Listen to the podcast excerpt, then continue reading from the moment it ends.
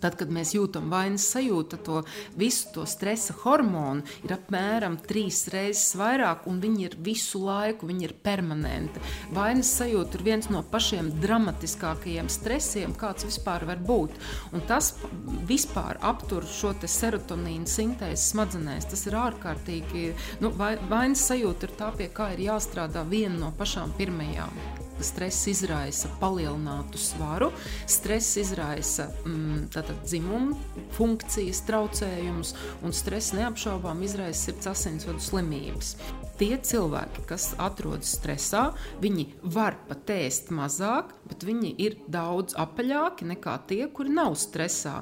Jo mēs izmantojam insulīns, neļauj šķelties taukiem pārējiem, kas ir ap iekšējiem orgāniem. Un tad veidojas tāds maziņš lāča tips savienu cilvēks, kuram ir milzīgs apaļš veiteriņš un tievs rokas kājas.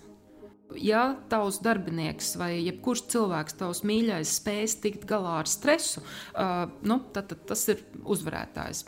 Pie mums šodien ir doktore, profesore Ilze Konrāde. Vairāk par viņu pastāstīs viņa pati, jo es nespēju atkārtot visas tās daudzās, tos daudzos titulus, kas viņai ir.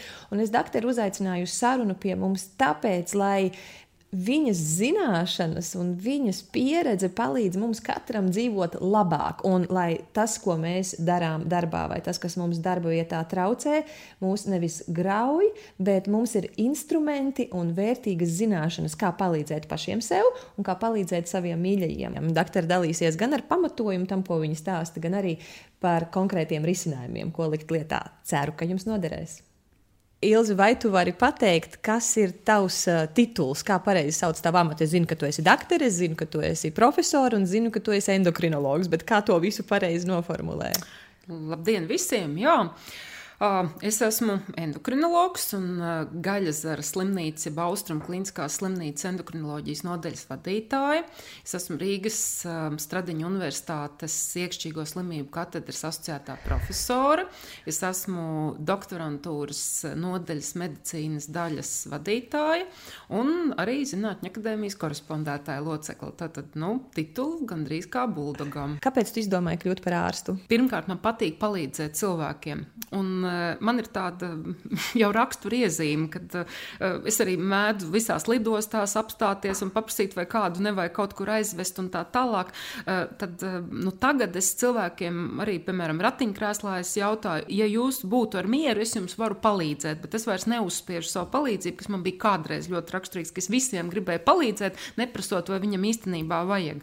Un tā bija neapšaubām viena no situācijām, kas tātad medicīnas virzienā virzīja, bet otrs, ka man šausmīgi ārkārtīgi patīk sarežģītas lietas.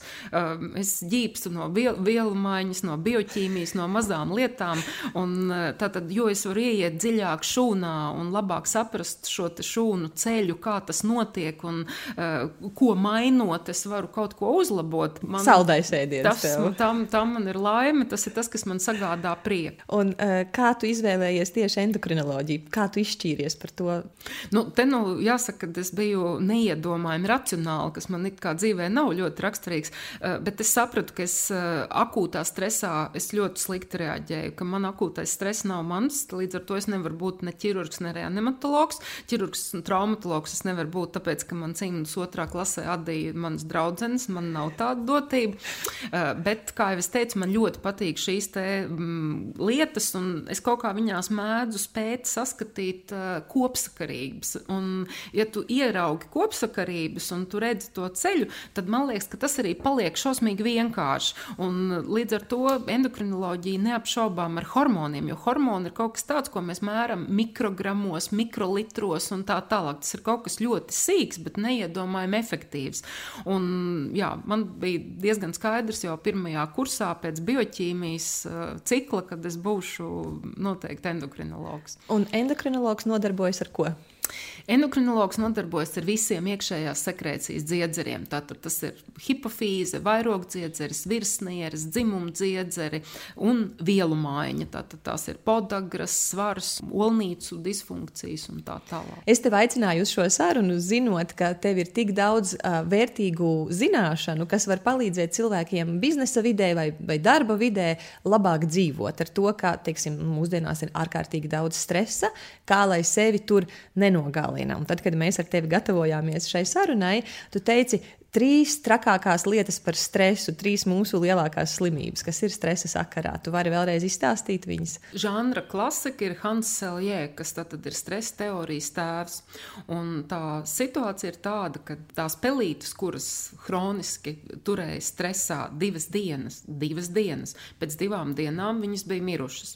Tātad cilvēkiem vajadzētu mācīties no pelītēm. Jūs teiksiet, ka jūs neesat pelītes, bet mums no viņām ir jāmācās. Bet, protams, ja mēs pārējām ejam atpakaļ uz cilvēkiem, tad tā lielākā problēma ir, protams, stresa inducēts. Tas, ka stress izraisa palielinātu svaru, stress izraisa dzimumu funkcijas traucējumus, un stress neapšaubām izraisa sirds asinsvadu slimības. Tātad ļoti milzīgs klāsters, jo stresa hormons, kas sākas jau galvā, tātad tā ir hipofīze un hipotalams. Šī regulācija ir ārkārtīgi sarežģīta, viņa ir ļoti, ļoti interesanta. Bet stresa hormons, kortizols, kortizolreleasing hormons. Tas ir tā kā ģenerālais kora diriģents. Viņš diriģē visu kori. Tātad, ja tas CRH, kortizolreleasing hormons, ir augsts no jūsu stresa, un pēc akūta stresa tas parādās 8. minūtē un saglabājas apmēram 36 stundas stresa efekta, kas būs vēlāk jau šūnā. Tātad to vajag vienmēr atcerēties. Tas ir ārkārtīgi interesanti. Bet ir tā, ka Tur apakšā dzīvo citi hormoni, kas regulē visas citas vielmaiņas sistēmas. Un tātad kortizolam, esot augstākam, tas nomāca cilvēkam tos hormonus, kas regulē dzimumu dziedzerus, tātad olnītes vai vīriešiem testosteronu, un savukārt eh, blakām ir vairogdziedzera hormoni, ir prolaktīns, ir daudz visu šie hormoni, tad, ja mēs esam īslaicīgi stresā, protams, nekas nenotiek, organisms adaptējas, bet ja mēs stresā esam nepārtraukti 24 stundas diennaktī un 7 dienas nedēļā, tādā gadījumā mums īstenībā nojūg pilnīgi visas šīs asis, un, protams, tas, kas ir žanra klasika, tātad tas ir metabolisms, tā ir vielu maiņa, kādā veidā mēs dzīvojam dzīvojam. Jo cilvēks ir ārkārtīgi kompleksa sastāvdaļa, bet katrā no mūsu šūnām ir miljoniem mitohondriju. Un, ja mums ir ļoti daudz stresa, tad tie mitohondriji, kas būtībā ir šūnas sirds, nevis kodols, kodols tas tur tā, bet mitohondrijas. Un tad, tad tas mitohondrijs hroniski stresa apstākļos iet bojā, un šūna nespēja saražot normāli pietiekamu daudzumu enerģijas, un tad, tad tas rada to, ka mēs īstenībā arī ātrāk novecojam. Tātad šis ķēdīte ir no hormonu regulācijas uz vielu maiņu un arī uz reālu šūnas efektu, kas ir ātrāk novecošanās. Un stress samazina chromosomās telomērus. Un telomērs tas ir tā mūsu biļete uz dzīvi. Cik telomērs garš, tik daudz, cik ilgi mēs dzīvosim. Un jo telomērs īsāks, jo īsāk mēs dzīvojam. Stresa reakcijas laikā pirmais, kas notiek šajā galvā, hipotalamā hipofīzē, izdalās hormons, ko sauc par adrenokortikotropo hormonu, kas dodas uz virsnierēm, un virsnierēs stimulē kortizola sintēzi. Un tajās pašās virsnierēs izdalās milzīgs daudzums arī adrenalīna un noradrenalīna. Tātad mēs esam maksimāli vērsti uz to, lai mēs izdzīvotu tajā situācijā. Tieši tajā brīdī. Tajā brīdī. Un, ja mēs, mums nav jāizdzīvo, jo īstenībā mēs sēžam pie galda, vai mēs gribam lasīt lekciju, vai mēs netiekam galā ar savu kaimiņienu, uz kuru mēs nevaram uzkliegt un pateikt, vecā ragana vācies prom. Jeb arī, ka cilvēkam Jā. ir noriebies izdevies vai nu savs darbs, un viņam ir jāturpina strādāt, vai arī viņam ir nepatīkams vai kolēģis vai kāds no priekšniecības, tad viņš jūtas visu laiku iespundēts tajā situācijā. Tas ir stress. Jā? Tas ir stress. Un tad? Tanī brīdī, kad mums ir augsts tas kortizols, ko tad tas kortizols dara? Viņš tātad sašķeļ taukus, kas atrodas uz rokām, uz kājām, zemādā un nogādā aknās. Jo no kā tad mēs veidosim cukuru, lai bēgtu vai lai uzbruktu? Tātad, kas mums notiek? Tad brīdī, veidos, kad cilvēkam cilvēkam ir, kad brīdī, kad cilvēkam ir stress, ķermenim ir vajadzīgs šis cukurs, lai mobilizētos reakcijai, vai mukt, Jā. vai uzbrukt. Un, un tad viņš ņem to, kas jau ir ķermenī, Jā, viņš veido cukuru no jauna, tā saucamā glikoneoģenēze, jo cukuru īsam brīdim pietiek, bet tas ir ļoti, ļoti īsam brīdim. Pamatā cukuru mēs rodam aknās, kur tas veidojas no necukuru vielām. Mm -hmm. Tātad no taukskābēm, no aminoskābēm, un tad, kad mums tas stresa hormons ir daudz, tad tas notiek ārkārtīgi intensīvi. Iedomājieties, viss no zemādas taukiem iet ārā taukšūnām, šī tauku pilieniņa, viņi aiziet uz aknām, veidojās jauns cukurs. Tad, kad cukurs ir augšā, tad cukurs uzreiz stimulē insulīna sekrēciju. Tas veidojas aizkuņa dziedzerī. Un insulīns ir tas hormons, kas ielaiž cukuru iekšā muskuļu šūnās, lai mēs varētu vai nu aizbēgt, vai nu lai mēs varētu noķert kaut ko. Bet tā kā mēs nesēžam, mēs neko neķeram un nebēgam, tad īstenībā tas cukurs tiek ielikts šūnās, bet insulīns paliek pāri. Un ko mēs gribam? Mēs gribam atkal ēst, jo tas cukurs ir nokrities un insulīns augsts. Un tad tas ir tas, kas mums atkal aizved līdz leduskapim vai līdz našķu trauciņam. Jo ir pilnīgi viennozīmīgi skaidrs, tie cilvēki, kas atrodas stresā, viņi var pat ēst mazāk, bet viņi ir daudz apaļāki nekā tie, kuri nav stresā. Jo mēs izmantojam insulīns, neļauj šķelties taukiem pārējiem, kas ir piekšā iekšējiem orgāniem. Un tad veidojas tāds maziņš lāča tips savienu cilvēks, kuram ir milzīgs apaļš veiteriņš un tievs rokas kājas. Tad sanāk, stresā it kā cilvēks nevar paēst, bet viņš īsti nepaliek tievāks. Viņš, viņš nevar viņš, palikt tievāks, jā. Viņš tā kā pieņemās svarā jā. vēl. Un kāds ļaunums tiek nodarīts tām aknām, tāpēc, ka šis cukurs tiek veidots no aknām? Ai, aknās veidojās tāds lieta, ko sauc par tauku hepatozi. Un tā ir ļoti, ļoti slikta lieta, tādēļ, ka tas rada jau tādu hronisku insulīna rezistenci. Un ko nozīmē uh, insulīna rezistence? Jā, un to es tūlītās izstāstīšu, kā tas veidojas. Tātad, tanī brīdī, kad mēs esam hroniskā stresā, un mēs to stresu ārstējam ar čipsiem un donatiem un kūciņām un tā tālāk. Tanī brīdī ir tā, ka nav jau kur izrēģēt. Mums tās uzturvielas paliek daudz pāri. Tad, kad tu saki Jā. Izrēģēt? Ko nozīmē izreaģēt? Tad mēs neiztērējam. Man ir tagad Jā. stress, es esmu šausmīgi Jā. uztraukusies Jā. par kaut ko. Kāds Jā. man tur, es nezinu, aizvainojis pamatīgi. Jā. Un tagad man ir tas stress un izreaģēšana nozīmē? Būtībā tas nozīmē to, ka jums ir vai nu emocionāli jāizlādējas, vai nu fiziski kaut kādā veidā ir jāpakustās. Tas ir tas, kas tas zaķim ir jāizbēg no vilka un vilkam ir jānoķer. Tad stresa reakcija ir domāta īslaicīgai asai reakcijai. Bet fiziskai kustībai. Jā, tieši. fiziskai kustībai vai emocionālai ļoti spēcīgai izlādēji. izlādēji. Jā. Un tā kā es nevaru tur, teiksim, nezinu, savam kolēģim vai savam priekšniekam vai kaimiņienei kaut ko pateikt, jo jāsaglabā labas attiecības. Ir, Jā. Bet stress man ir, tad, tad viņš nav izrēģējis un tālāk. Viņš veicina to, ka veidojās aknās tā jaunā glikoze, un tad mm -hmm. uz glikozi atbild insulīns, un insulīns tālāk neļauj izmantot tos nu, taukus, kas ir organismā, un cilvēks ēd atkal jaunus virsū. Tātad man pirmkārt jā. jau ir mani tauki, un plus jā. mans ķermenis nevar viņus izmantot, un tāpēc jā. es grābstos visu laiku ar leduskapi. Jā. Jā. Jā. Nu, labi, tas, tas, kas attiecās uz svaru. Līdz ar to stresu var redzēt cilvēkā, tīri ārēji, nu, kad veidojās šis te, nezinu, uh, mafins, ja, kas ir virs, virs, virs biksēm nokarājās, tas, uh, tie tauki. Un tā tas bija attiecībā uz ēšanu. Uh, par dzimumu dzīvi vai kā tur. Jā, tā ir īstenībā mūsdienās ārkārtīgi liela problēma. Un, tātad, kā jau teicu, stresu palaiž smadzeņu struktūru, ko sauc par hipotalamu. Un šis CRH, kas tur dzīvo, viņš ietekmē tādus nu, kisneironus, bet Dievs ar viņiem, kā viņus sauc. Man patīk kaķi, tāpēc man tas vārds patīk. Bet uh, idejiski ir tā, ka viņš nomāca šo LHFSH, kam būtu jāstimulē dzimumdziedzeri, lai tie veido hormonus. Līdz ar to sievi, sieviete ir. Jā, tātad veiksmīgi... mums attīstās aminoreja. Nesen pacienti, un es arī viņai jautāju, vai es drīkstu stāstīt viņas stāstu, tad viņai darbā ļoti liels stress, un uh, kāds labs cilvēks viņai bija ieteicis, ka to stresu vajag ārstēt ar fiziskām slodzēm. Un viņa cilvēks, kas visu dara ļoti pamatīgi, viņa tiešām bija viņu uzklausījusi, un ko viņa bija sākusi darīt, viņa bija sākusi skriet maratonus. Nu, tas beidzās ar to, ka viņai, protams, pilnībā pazuda jebkāds menstruālais cikls, un mēs diezgan ilgi strādājam pie tā, lai dabūtu atpakaļ to menstruālo ciklu, jo skaidrs, ka ja jums ir fizisks stress, kas ir maratons, jo maratons ir dramatisks fizisks stress, un plus jums ir emocionāls dramatisks fizisks stress, nu tad, ja tas viss iet kopā, nu tad ir tā, ka ir faktiski ļoti, ļoti grūti viņu normalizēt. Tā kā es arī ļoti daudz strādāju ar sievietēm, tad es parasti nedzirdu sūdzības par to, ka tiksim, kādam būtu no, nu, pazudis menstruālais cikls vai galīgi izgājis no ierindas.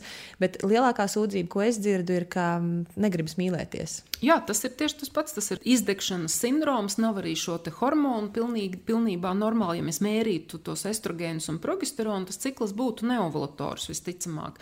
Tad, tad tas nav pilnvērtīgs. Un, protams, nu, lai, lai gribētos mīlēties, tomēr jābūt arī šiem androgēniem hormoniem, ir jābūt arī oksitocīnam, tas viss neveidojas, jo viss tiek tērēts tam metabolismam, milzīgajai, dramatiskajai mašīnai, tā kā tādam eh, nu, dzirnavām, kuras aprī visus šos enerģētiskos resursus, un tas ir tas kroniskais stress. Tad, kad mans ķermenis ražo stresa hormonus, viņš to enerģiju atņem pārējiem hormoniem Jā. ķermenī. Jā. Tie, kas man ir vajadzīgi, Jā. lai man ir baudāma dzīve. Pilnīgi tad, tad pirmais, kur pazūd bauda, ir attiecībā uz mīlēšanos, kad vai nu negribās, vai arī mainās viņas kvalitāte. Vai es pareizi saprotu? Tas ir, tas ir viens, pilnīgi noteikti. Otrs ir aizkaitināmība, trešais ir ļoti biežas infekcijas, jo mainās imunitāte. Eh, jo stress ir tāds vēl nenormāli viltīgs ar to, ka, ja jūs mērītu, piemēram, leukocītus absolūtos skaitļos, leukocītu būtu būtu daudz, bet viņi ir faktiski nepilnvērtīgi. Viņi nevar cīnīties pret infekciju. Tad viņi ir tādi tīzli leukocīti. Viņi ir tīzli leukocīti. Ko, ko leukocīti parasti dara? Viņi cīnās pret infekcijām. Viņiem ir jābūt tik gudriem, lai viņi tiktu galā gan ar vīrusu, gan ar baktēriju, gan ar sēnīti. Bet tagad ir tā, ka netiek galā ne ar vienu, ne ar otru, ne ar trešo. Un cilvēkam ir stress, viņiem ļoti bieži arī sēnīšu infekcijas uz ādas. Viņiem ļoti bieži šie vīrusi, ja, tad, eh, stress dramatiski maina imunitāti. Mm -hmm. Un, ja cilvēks nodod analīzes, ja viņam nav tur galīgi katastrofāla situācija, vienkārši viņš nejūtas labi, viņš nodod analīzes, analīzēs parādās, ka ar leukocītiem viss ir kārtībā, jo vienkārši ir redzams viņu skaits. Jā. Ja, ja analīzēs, jau arī skatās tagad ļoti cītīgi, jebkurās analīzēs, kāda ir viņu kvalitāte. Nē, diemžēl to nevar paskatīties, jo mēs, protams, paskatāmies, nu, kas jebkuram liktos, ka nu, skatās tur neitrofīli, limfocīti, eozinofīli, monocīti un tā. Bet sliktā ziņa, ka neitrofīliem ir apmēram 18 apakšpopulācija situācijas. Nē, tas ir tik sarežģīti, ka es jau tas ir, tas ir diezgan sarežģīti, bet uh, tas ir arī neprātīgi interesanti. Jā. Vēl es esmu bieži vien no dāmām dzirdējusi tādu lietu, ka viņi saka, manam vīram darbā ir ļoti liels stress. Viņš nāk mājās, un viņam gribas izlādēt to stresu, un viņš pieprasa seksu lai būtu, bet tas ir nepatīkams seks ar viņu tajā brīdī. Kā tu vari nu, palīdzēt ir... šeit, šajā situācijā? es nevaru droši vien nekādi. Es varu vienīgi pateikt to, ka, ir, nu, ka, ka tā droši vien ir saruna. Jo tas ir skaidrs, ka tā ir vēlēšanās izlādēt to. Nu, tā ir tā bēgšana, vai ķeršana, vai kliekšana, vai vēl kaut kas cits. Tu vienkārši gribi izlādēt un dabūt to, kas tev parasti rada patīkamas emocijas.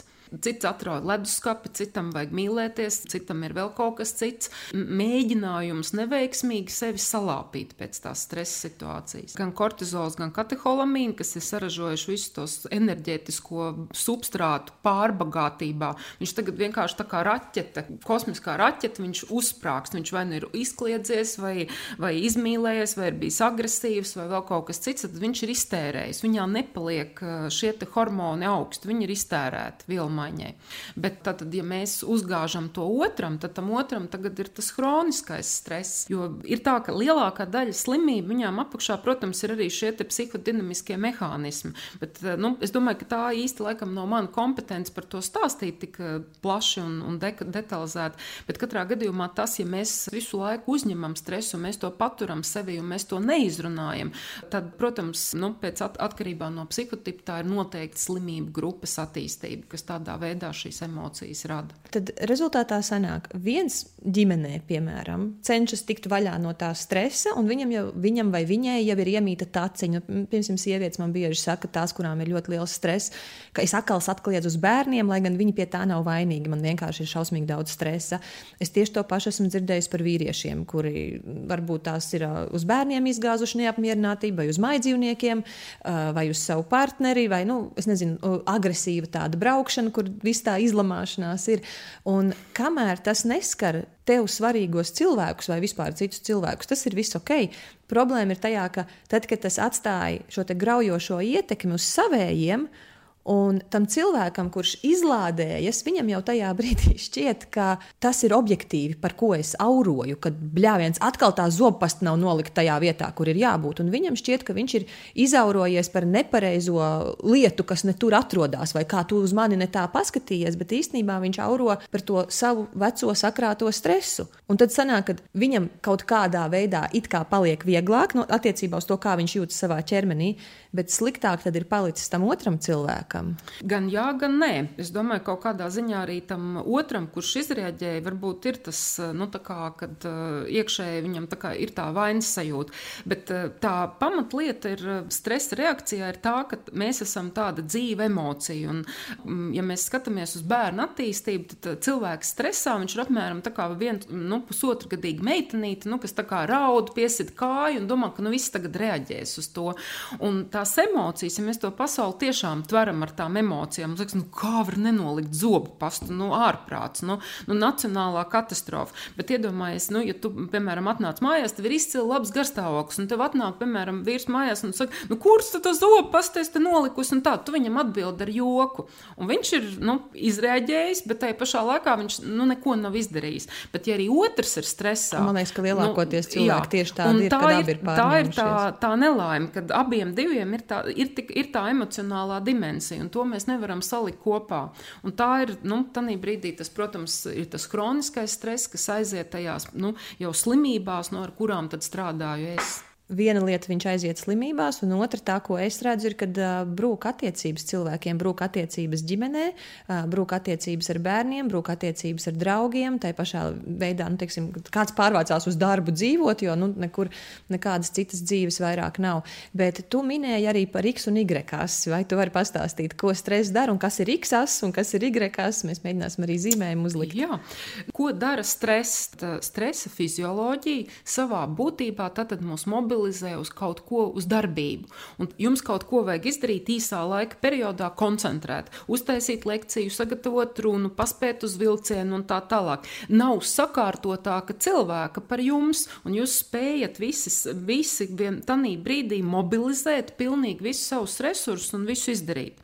Bet tā ir horizontālā stāvokļa. Tad, tad, tad nav, kad man jā. ir stress, ja es zinu, tur ir deadline, jā tad es esmu vienkārši nofokusējusies lokomotīva, kas tikai Pilnīgi. iet uz priekšu. Un absolūti neko citu neredzēs, un ja kāds iztraucēs no domas, tad, eh, nu, eh, kaut vai tradicionālā piemēra par aizmāršīgiem profesoriem un tā tālāk, viņš iet un domā par savu teoriju un, un visu jo, citu. Un, ka, un tā X as saucās kas? Tā būtībā ir eh, praktiskās aktivitātes as. Mm -hmm. Tātad tajā, nu, kā es saku, ar šādu asi var uzcelt māju, aiziet kaut kur, izdarīt praktiskas lietas. Bet tajā trūkst radošuma, kreativitātes, reālas attīstības. Un tās Mēs ir ygrekas, ja? Un tā ir ygrekas, tā ir šī vertikāla, tad tas, kas radošums, kreativ... kreativitāte, nu, būtībā attīstība. Mm -hmm. Un tas ir tas, kas nekad nav šajā te stresa reakcijā. Un tas ir tad, tas, tad kad mums pietrūks. ir stress, man nav pieejas tiem resursiem saviem radošajiem tik Jā, lieliem. Viņi ir tikai nav, tik, cik vajag ielikt noteikti. tajā brīdī konkrētā rīcībā. Tas ir pilnīgi klasisks piemērs jums pirms eksāmena eksāmenu. Jūs domājat, es vēl ātri vēl varu paspēt izlasīt divas lapas, vai kaut viens atcerās tās divas lapas nekad un nevienu. Un tad, tad, tad kad ir stress, tad brīdī fizioloģiski kaut kur pavājinās asinsrite apmēram pa 20%. Un tad ir tas, kas, nu, kas seko ar to, ka tev ir kaut kāda, jā, tev ir tāda, tā kā tāda atmiņas zuduma pat brīžam. Tas sajūta, kā es pa miglu dzīvotu. Apmēram. Jā, jā. Un tas man izskaidro, kāpēc cilvēki, kas dzīvo šajā kroniskajā stresā, viņi cieš, viņiem ir pasliktinājusies veselība, viņiem bieži vien ir pasliktinājušās vismaz kaut kādas attiecības, viņiem nav ne, ne laba, nekāda forša garastāvokļa. Viņi daudz kur vaino vainu citus vai vaino sevi, bet tas nenonāk pie produktīvas rīcības. Bet tas trakākais ir, ka cilvēks neredz risinājumu. Un tie, kas no malas skatās, tie tur saka, nu, es nezinu, vai tev tur mazāk jāstrādā, vai tev mazāk jāuztraucās. Bet tas pats cilvēks, viņš ir pārņemts, nē, jūs mani nesaprotat. Un tagad, protams, es no vienas puses pieņemu, ka tie pārējie viņi tiešām arī kaut kādā ziņā nesaprot. Bet viņš pats nesaprot, ka viņš neredz risinājumus, jo viņam ir nogriezta šī te Y kasnost. Jā, tā ir tā problēma. Un, tāpēc tas ko, tas, ko daru es ikdienā, un kas tad ir tā endokrinoloģija, protams, es nestrādāju ar tik augstām matērijām kā gars, bet es mēģinu dabūt atpakaļ to ķermenīti, to fizioloģisko funkciju, lai galvas smadzenēs varētu veidoties, piemēram, šī viela serotonīns, nu, kas ir tā laime un prieks. Laimes hormons, jā. jā, jo, mhm. ja tev nav serotonīna, jo aminoskāba triptofāns, viņi var tikt izmantota sliktam ceļam, tur kalikreīniem un daudz kam citam. Un viņi var izmantot, lai veidotu serotonīnu. Un tad, ja mums nav vitamīnu, uzturvielu, mums ir virsnieres izsīkušas, atcerieties, Hansa Seljē pelīt. Tad, tad īstenībā tam ķermenītim ir jādara ļoti, ļoti, ļoti daudz laba. Un nu, tas ikdienas, ikdienas darbs šiem cilvēkiem, kam ir šis kroniskais stress, nu pilnīgi viens noteikti ir C vitamīns. Ja tu dzīvo kroniskā stresā, tad tev ir jābūt dienā 500 mg C vitamīna. Tas ir alfa un omega.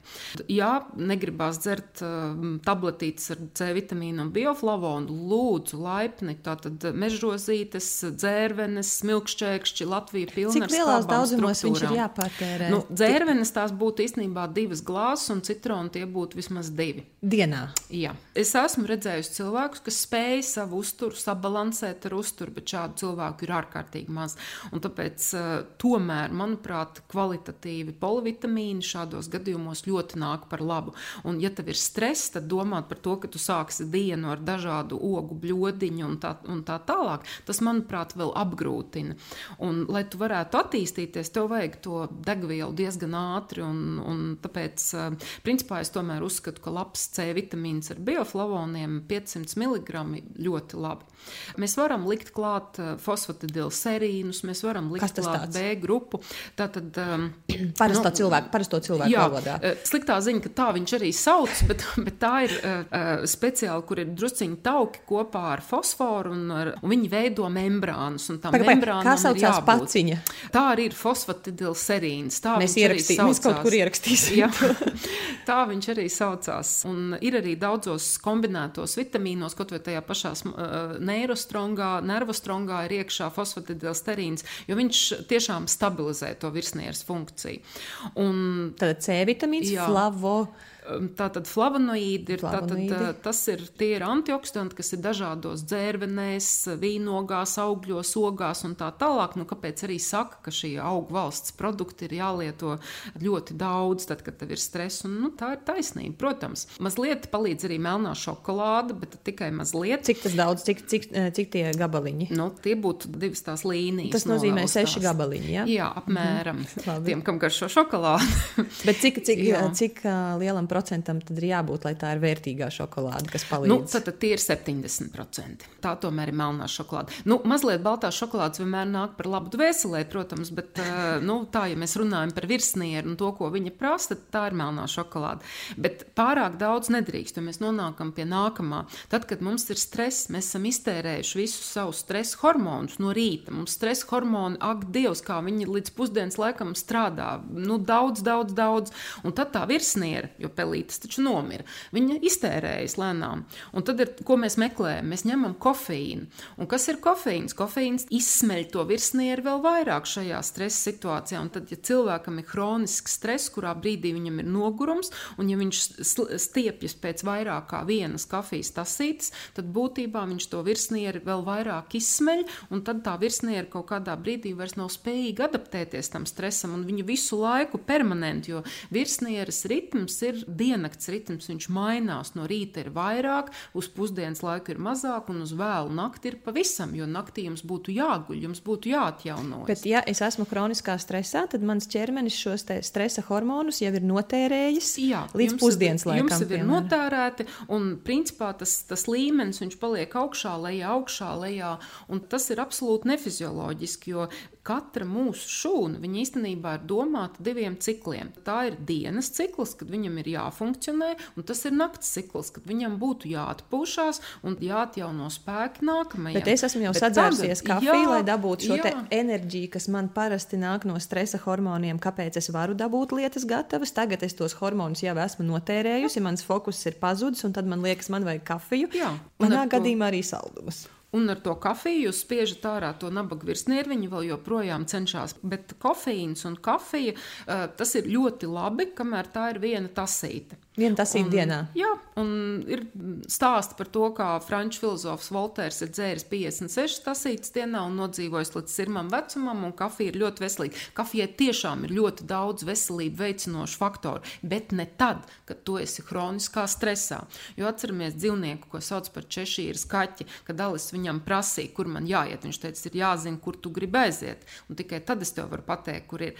Un tāpēc kafija ir laba. Ja mēs esam harmoniski savākti, mēs dzeram savu kafiju. Mums ir ļoti labi 3-4 tasītes aknu veselībai, autoimūnos procesus samazina, otrā tipa diabēta risku samazina. Ai, ai, ai, cik daudz laba. Bet tad, Tikai tad, ja cilvēks ir labā veselības jā, stāvoklī. Tad, kad tev ir kronisks stress, tad šīs te tehnoloģijas nestrādā, jo tev nav ko spiest ārā. Nu, nav taču jēga, ja tu, nu, ja tu esi bankrotējis, tu to seifu var vērt vaļā, cik tu gribi. Tur tāpat nekā nebūs.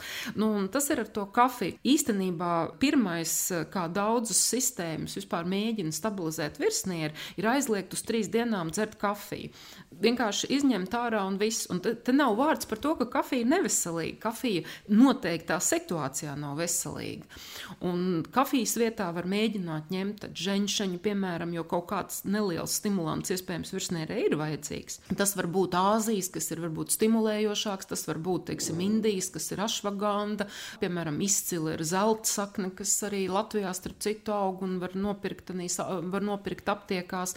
Tā kā tie ir visi augu valsts vielas, kas nav ne hormoni, nekas ķīmisks, kopā ar vitamīniem, kas var stabilizēt to virsnieres funkciju, lai viņa un viņas tālāk jau noteiktie vielmaiņas procesi, proti mitohondrijas un katra šūna un vielu maiņa, tad, tad insulīns un visi dzimuma hormoni, lai viņi strādātu. Un ir kaut kāda atšķirība, kādā veidā to preparātu patērēt. Pulverī, nezinu, tējā vai kapsulās. Nu, principā, protams, tēja ir ļoti labi. Vienmēr nu, var lietot arī pulveri. Protams, jebkuru. Šobrīd jāsaka tā, ka ir daudz homeopātiskās aptiekas, kurās to visu var arī nopirkt. Bet, protams, e-herba un daudz šīs mājaslapas viņus piedāvā ļoti daudz labu šo uzturu bagātinātāju, kas to virsnierīt arī var atbalstīt. Mm -hmm. Man ir aizdomas, ka gana daudz cilvēku nesaprot, ka viņiem ir kronisks stress. Es, piemēram, pati tajās situācijās esmu teikusi, nu, es esmu vienkārši nogurusi, jeb nu, man tagad grūts projekts. Es to pat it kā jā, tur ir stress, bet es nesaistu to kopā, ka tas varētu būt kronisks stress. Bieži vien tas pats cilvēks, kas tajā maļās iekšā, neredz, kas ar viņu notiek. Nu, es nezinu, kāpēc tā ir, bet um, viņa apkārtējie var redzēt, pēc kā teiksim, savi mīļie var viens otram palīdzēt, teikt, hei, vai piesēdi, paskatīsimies, nu, nav te īsti labi, tu vienkārši tūlītās izdegsi. Pēc kā var redzēt, ka otram ir šis kroniskais stress? Nu, es teiktu, ka pirmā pazīme tomēr ir neadekvātas reakcijas. Vai tu vari aprakstīt situācijas, kā viņas izpaužās? Klasiskā gadījumā ir tā, ka uh, cilvēks sēž mājās, uh, piemēram, gatavo kaut kādu projektu, atskan telefona zvans, un kāds saka, vai, nu, ka man ir vēl te tāds darbiņš, un viņš, es tak nevaru viņai atteikt, man jāpiekrīt. Un tā nevarēšana pateikt, nē, situācijā, ka tev jau tā laiva jau smeļās, ka tu tiešām, jā, ka tu sāc kliegt uz tiem saviem mīļajiem par to, ka kaut kas nav izdarīts, vai kāds kaut ko nav, nav sagatavojis, vai, piemēram, kāds ir aizmirsis kaut kādu nieku, bez kā tu lieliski vari dzīvot dzīvot, bet uh, tu to nieku pārvērt, to mušu uzpūtus par milzīgu ziloni, kas tad, nu, visu grauž. No, sākās, mēs sākam sarunu par zobu pastu, bet beidzam ar to, ka tu mani nemīli. Teiksim, tas, kas, eh, tas, kas ir tās, eh, ar ko es vairāk, protams, sastopos, un to, ko man stāsta pacienti ļoti bieži, tas ir miegs. Mm -hmm. Jo tad, kad tu esi kroniskā stresā, tu atnāc, tu esi pārgurs, tu esi vispār līdz ārprātam nogurs, bet tu nevari aizmigt. Un eh, tad dabūt atpakaļ to miegu, tā ir īstenībā nu, ļoti pirmā, pirmā pazīme. Ja tu nevari aizmigt normāli, tad tas ir tas, ka tev noteikti ir, jā, tev ir stress. Mans vīrs ir teicis, eh, tādos, nu, kad es zinu, viņam bija trakie, grūtie projekti, ka viņš aizmiega Bet viņam ir tāds murgains miegs. Viņš saka, ka es turpinu risināt kaut kādas idiotiskas problēmas, kas man reālajā dzīvē pat nenomoka, bet es turpinu kaut ko malt un malt pa galvu, un no rīta pamožos neizgulējies. Jā, tādēļ, ka tas pats kortizols veicina nevis dziļo miegu, bet viņš veicina tikai virspusējo seklo miegu. Un tad, tad mēs tajā fāzē iestrēgstam. Tas, ko iesaka medicīniskā literatūra, un ko, ko es arī stāstu pacientiem, ka tad ir vakarā ir jābūt šai fiziskai aktivitātei. Tev ir vai nu jāiet stāvēt staigāt, vienalga, cik tev ir projekti, jo, ja tu neizgulēsies, tu no rīta būsi vēl draņķīgāks nekā tad, ja tu pusstundu noliksi malā un izies ārā staigāt. Vienalga, staigāšana, dejošana, nu, vīriešiem, ka es saku, jums vajadzētu vakarā padejot, viņi man prasa, vai man kaut kur kaut kas netrūkst.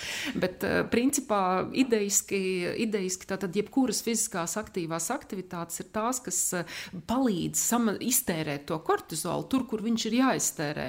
Un tad viņš samazinās, un tad miega, miega kvalitāte būtiski uzlabojas. Bet neskriet maratonu. Bet neskriet maratonu. Cik daudz tad skriet?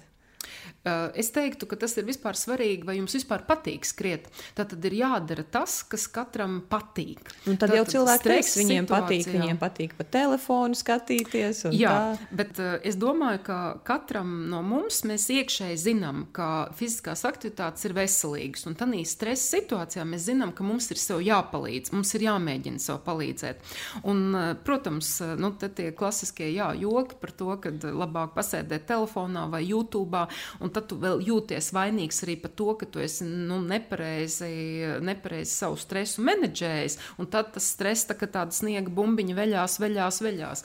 Mēs mēģinām sev pateikt, jā, tā tad vai nu nojošana, peldēšana, pastaiga, dejošana, vienalga. Jebkas, kas ir aktīvs, kas, kas palīdz tev mm, izreaģēt to stresu. Jo tas ir ļoti, ļoti svarīgi. Tā stresa reakcija ir jāizlaiž ārā, un tas ir fizioloģiski. Tu pieminēji vainas sajūtu. Jā. Kas ar mums notiek no tava skatu punkta attiecībā uz hormoniem, vai nezinu, uz ietekmi uz veselību, tad, kad mēs jūtam vainas sajūtu? Tad, kad mēs jūtam vainas sajūtu, to visu to stresa hormonu ir apmēram trīs reizes vairāk, un viņi ir visu laiku, viņi ir permanenti. Vainas sajūta ir viens no pašiem dramatiskākajiem stresiem, kāds vispār var būt. Un tas vispār aptur šo serotonīnu sintēzi smadzenēs. Tas ir ārkārtīgi. Nu, vainas sajūta ir tā, pie kā ir jāstrādā viena no pašām pirmajām. Zināšanas arī par to, kā mainīt šo vielu maiņu, viņas arī ir ārkārtīgi svarīgas.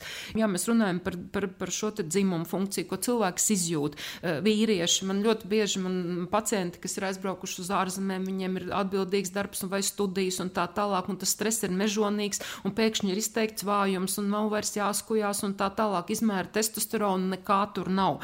Nu, jā, bet es nevaru, man tas viss ir jāturpina, un tad kādā veidā mēs to kompensējam. Tieši tas pats ir uz zarnām. Tad, kad mēs mēs visu laiku esam hroniskā stresā. Mūsu zarnās dzīvo miljardu šūnas. Eh, cilvēks ar visām savām šūnām tā ir tā kā vieninieciņš, bet to baktēriju, kas mūsos zarnās ir, to ir desmitām reižu vairāk. Mūsos ir vairāk baktēriju kā mūsu šūnu. Un tad, kad mums ir stress, tā zarna kļūst caurlaidīga. Viņa laiž cauri tās baktēriju sieniņas, kas aiziet asinīs un rada šo hronisko iekaisumu. Un tad viņi aiziet uz smadzenēm un maina, piemēram, piemēram, eh, nu, apetītu un sātu regulējošo hormonu leptīnu. Un būtībā tas ir arī tas, kas neļauj veidoties šai gabai, kas ir eh, nu, dabisks antidepresants un nomierinošs līdzeklis, lai jūs aizietu gulēt kaut kādā vietā. Neveidojas tātad epifīzē melatonīns. Ilgstošs stress tā ir tiešām organismu katastrofa. Un uh, man agrāk vecajā kabinetā man bija tāda bildīta ar pelītēm. Viens no maniem kolēģiem Vācijā bija uzrakstījis rakstījis savā disertācijā, paldies 35 pelītēm, eh, jo man bija tā laime mm, nu, vai gods eh, strādāt Heidelbergas Universitātē, kas pirmā pierādīja, kā stress ietekmē hronisku iekaisumu aktivāciju šūnā.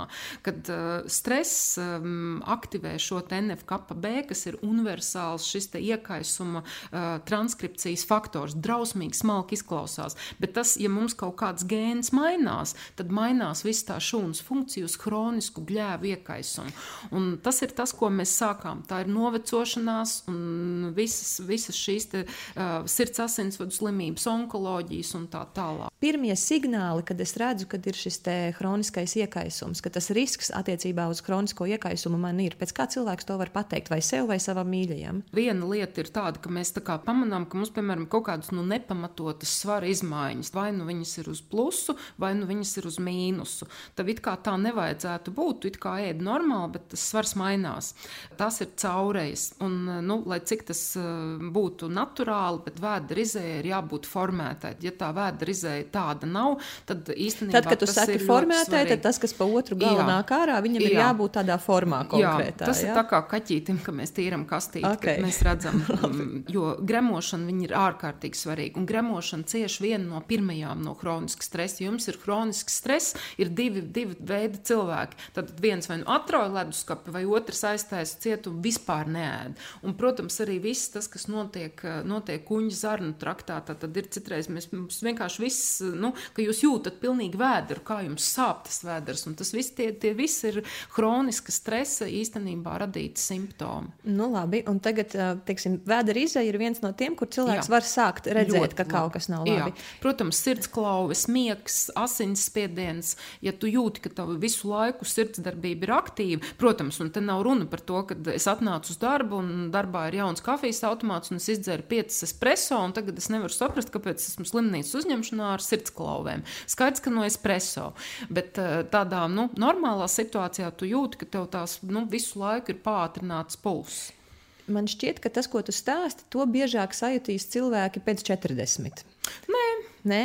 Jo ne? es atceros sevi, es kā, tad, kad man bija 20, tad, kad man bija 30, es strādāju vaiprātīgā stresā, vaiprātīgos stresa apstākļos.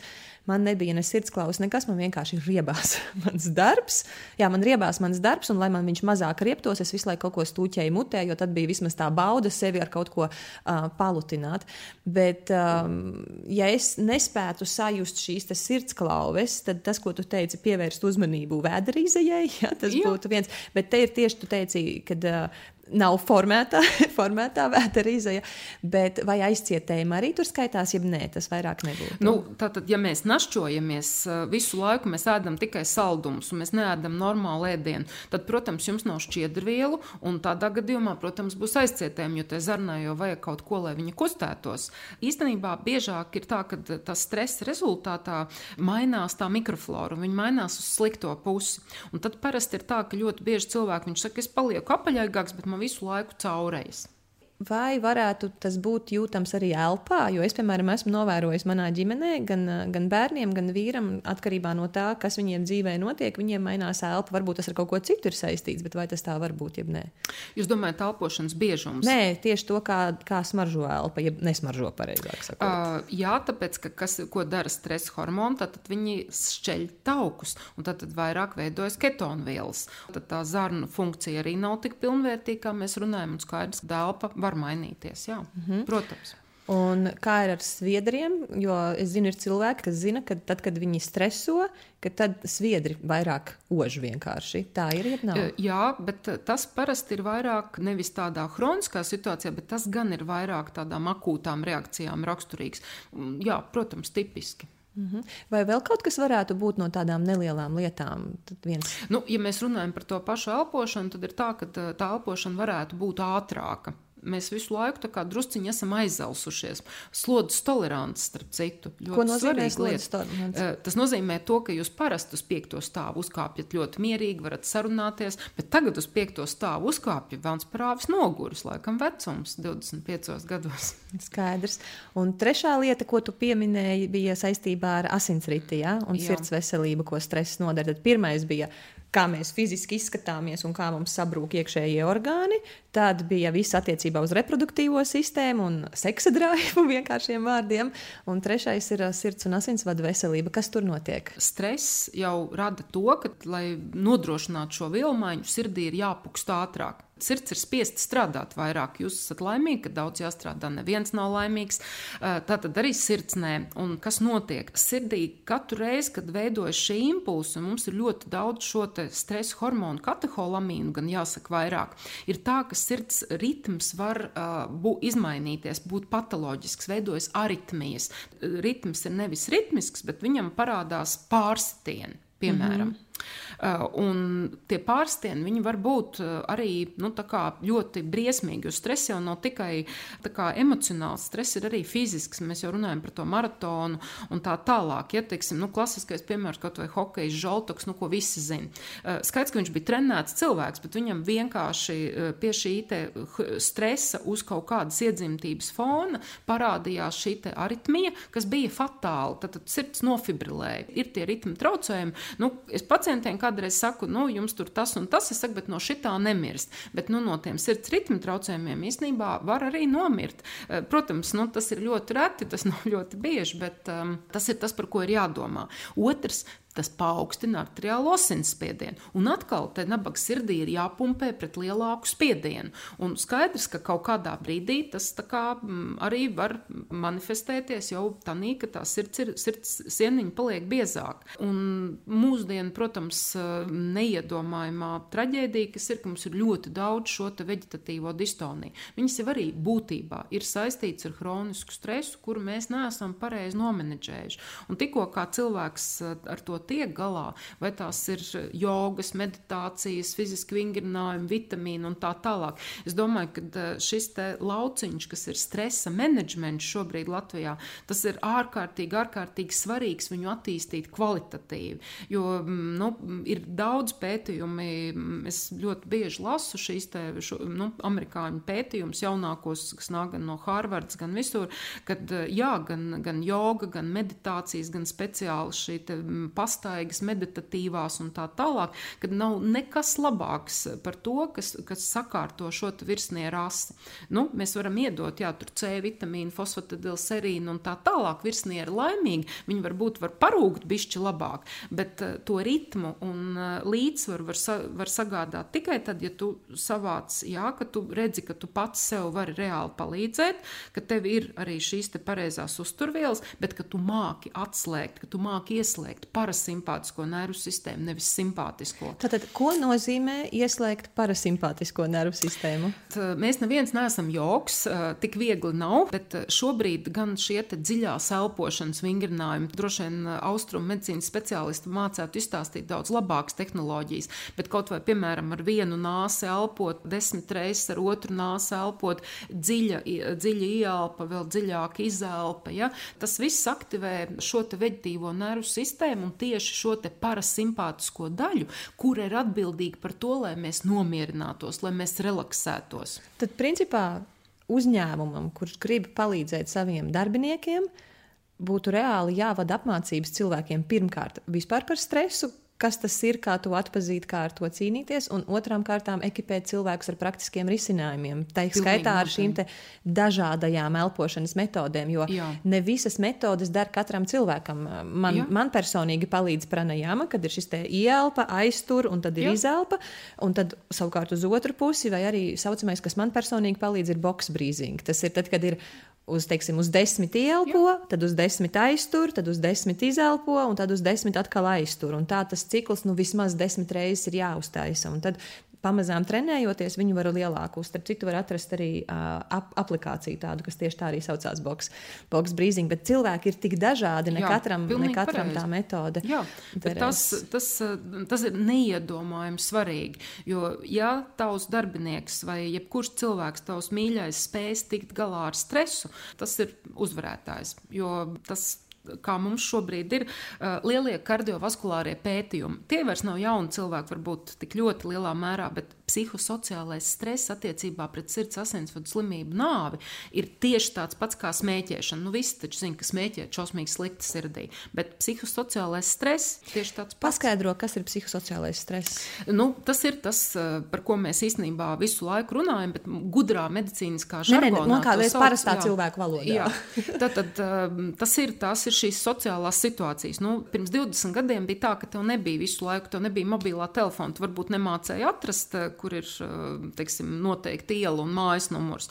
Un tev ne, vai vēsts tev neaizved uz kaut kurieni, bet tev bija ideālā veidā, tev nebija jāatbild uz e-pastiem 24, 7. Jo, piemēram, nu, manā darbā, piemēram, Vācijā bija tā, ja es neatbildēju uz virsārsta jautājumu e-pastu desmit minūšu laikā, tad es dabūju brāzienu. Protams, ka es nedrīkstu dabūt brāzienu, un tas stress, vai jūs jau atbildējāt, vai jūs jau apskatījāties manu e-pastu. Žanra klasika, ka vienreiz es pateicu, ka es turpmāk rakstīšu tikai vēstules pastā, nu, lai liek man mierā ar tām e-pastu vēstulēm nepārtrauktajām. Bet, eh, protams, eh, tātad psihosociālais stress ir tas, ar ko mums jātiek galā. Mums ir jābūt jāveido gan karjera, mums ir jāveido gan uh, mājās, ir jābūt labi ideāliem. jāizskatās. Mums ir, jā, mums ir labi jāizskatās, mums ir viss jāmāk, mums ir jāatbild Statusam uz visiem e-pastiem. Tātad mums ir visa tā, ar ko mums ir jātiek galā. Bet, uh, nu, būsim godīgi, arī tehnoloģijas. Nu, ne viss ir informācijas ģēnija, un šobrīd viss tas tā e-vide, un, nu, kaut vai vakar es biju bankā, un to tie vecie cilvēki, kas gāja uz tām visiem kodu kalkulatoriem, kas man liekas kā vienkārši, uh, viņam tā ir traģēdija, un tās cilvēks viņš ir uztraucies. Uh, protams, mums ir citas problēmas, bet ideja ir līdzīga, uh, ka tā dzīve viņa piedāvā risinājumus, bet viņa arī prasa diezgan daudz, un mūsu laikmets ir diezgan prasīgs. Tad, tad tas ir visi mani uztraukumi, vai mani neatlaidīs no darba, vai es cilvēkiem patikšu, vai es būšu gana laba, vai tikai kāds cits arī nav stipri labāks par mani, lai gan es varētu būt tik laba. Nu, teiksim, tā salīdzināšanās, statusēšanās un tam līdzīgi. Tas viss pieder vēl joprojām jā, pie psihoemocionālā stresa. Pilnīgi noskaidrs. Es atceros, man bija tā iespēja dzirdēt tavu runu par to, kas ir viens no taviem mīļajiem brīnumlīdzekļiem, lai serotonīns ir augšā. Un es vienkārši, ja tu esi ar mieru, vai tu vari to runu pateikt šeit par augstajām peldēm, tā kā mēs abas divas fanojam. Jā, tā, um, augstās peldas. Un, um, tas ir viens no maniem brīnumiem, ar ko es uh, šobrīd ļoti aktīvi menedžēju savu stresu. Uh, jo nu, šis gads man sākās ļoti bēdīgi. Diemžēl jā, mans vīrs nomira vienā dienā. Un eh, tas bija tā, ka nu, bija briesmīgi. Un eh, tiešām tas, kad, eh, nu, kad tev cilvēks saka, nu, jā, tas ir slikti, un tad ir ilgs vārds, man vārdiena, tad 27. janvārs, un man visi zvana, un visi man apsveic un saka daudz laimes vārdu dienām. Nu, es nekādā veidā nevainoju nevienu, jo, protams, nu, tas ir, kā mēs to sakām, tradicionāli, bet, protams, nu, kad laimes tur nekādas nav, un tad mēs uzņēmāmies ar manu draugu Ilzi, un viņi man saka, davai, pamēģinam augstās peldas bildes. Un es domāju, ak, Dievs, tur taču jau viss šitie te tur iet, un tas tagad ir tik moderni, un es tā, nu, nu, nu, bet, nu, nē, labi, jo man peldēt patīk, ūdens ir mana stihija. Un tad mēs aizbraucām pie Brigitas un um, Mironovs un no ledus skolas. Jā. skolas, jā, ļoti lieliski, un mēs ar Brigitu gan izrunājām par elpošanu, gan Brigita man pirmoreiz ieveda ūdenī, un tā seši sajūta, grādi, ja nemaldos. Seši jā. grādi. Un, un, un ārā tas bija janvāra beigas? Tas bija janvāra beigas, nē, tas bija 1. februāris februāris, kā šodien atceros. Latvijā. Uh, Latvijā. Un uh, bija skaists februāris, uh, jā, kāda mīnus 11 grādi. Uh, nu, un sajūta bija vienkārši fantastiska. Un man arī godīgi jāsaka, man nebija grūti. Un, uh, nu, tā bija sajūta, kas man paņēma. Un tad jūs nevarat iedomāties, mēs katru sestdienas veidē, mēs, protams, braucām uz Titurgas ezeru.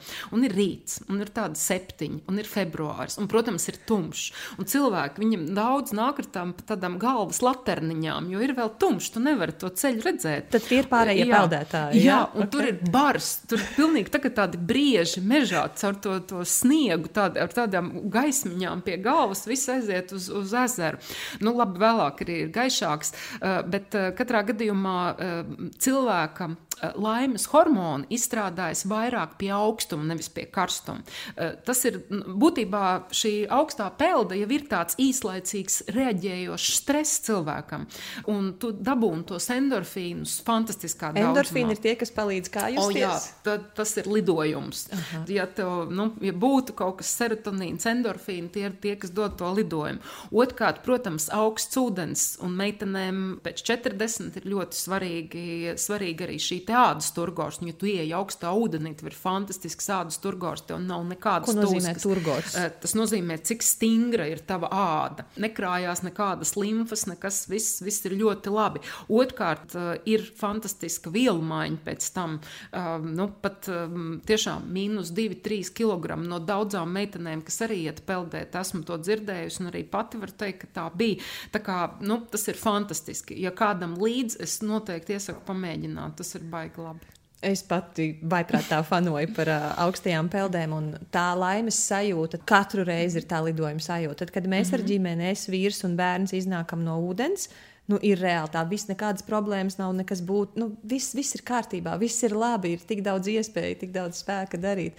Vai tev ir kāds novēlējums, ko tu gribi pateikt? Noteikti. Tātad, tādā brīdī, kad uh, katram no mums ir stress un viņš ir vienmēr, tad mans, mans ieteikums ir vienmēr atcerēties par to, ka jums ir jātiek galā ar to stresu, jo jūs esat vajadzīgi tiem savējiem un jūs esat vajadzīga visvērtīgākai sev pašai.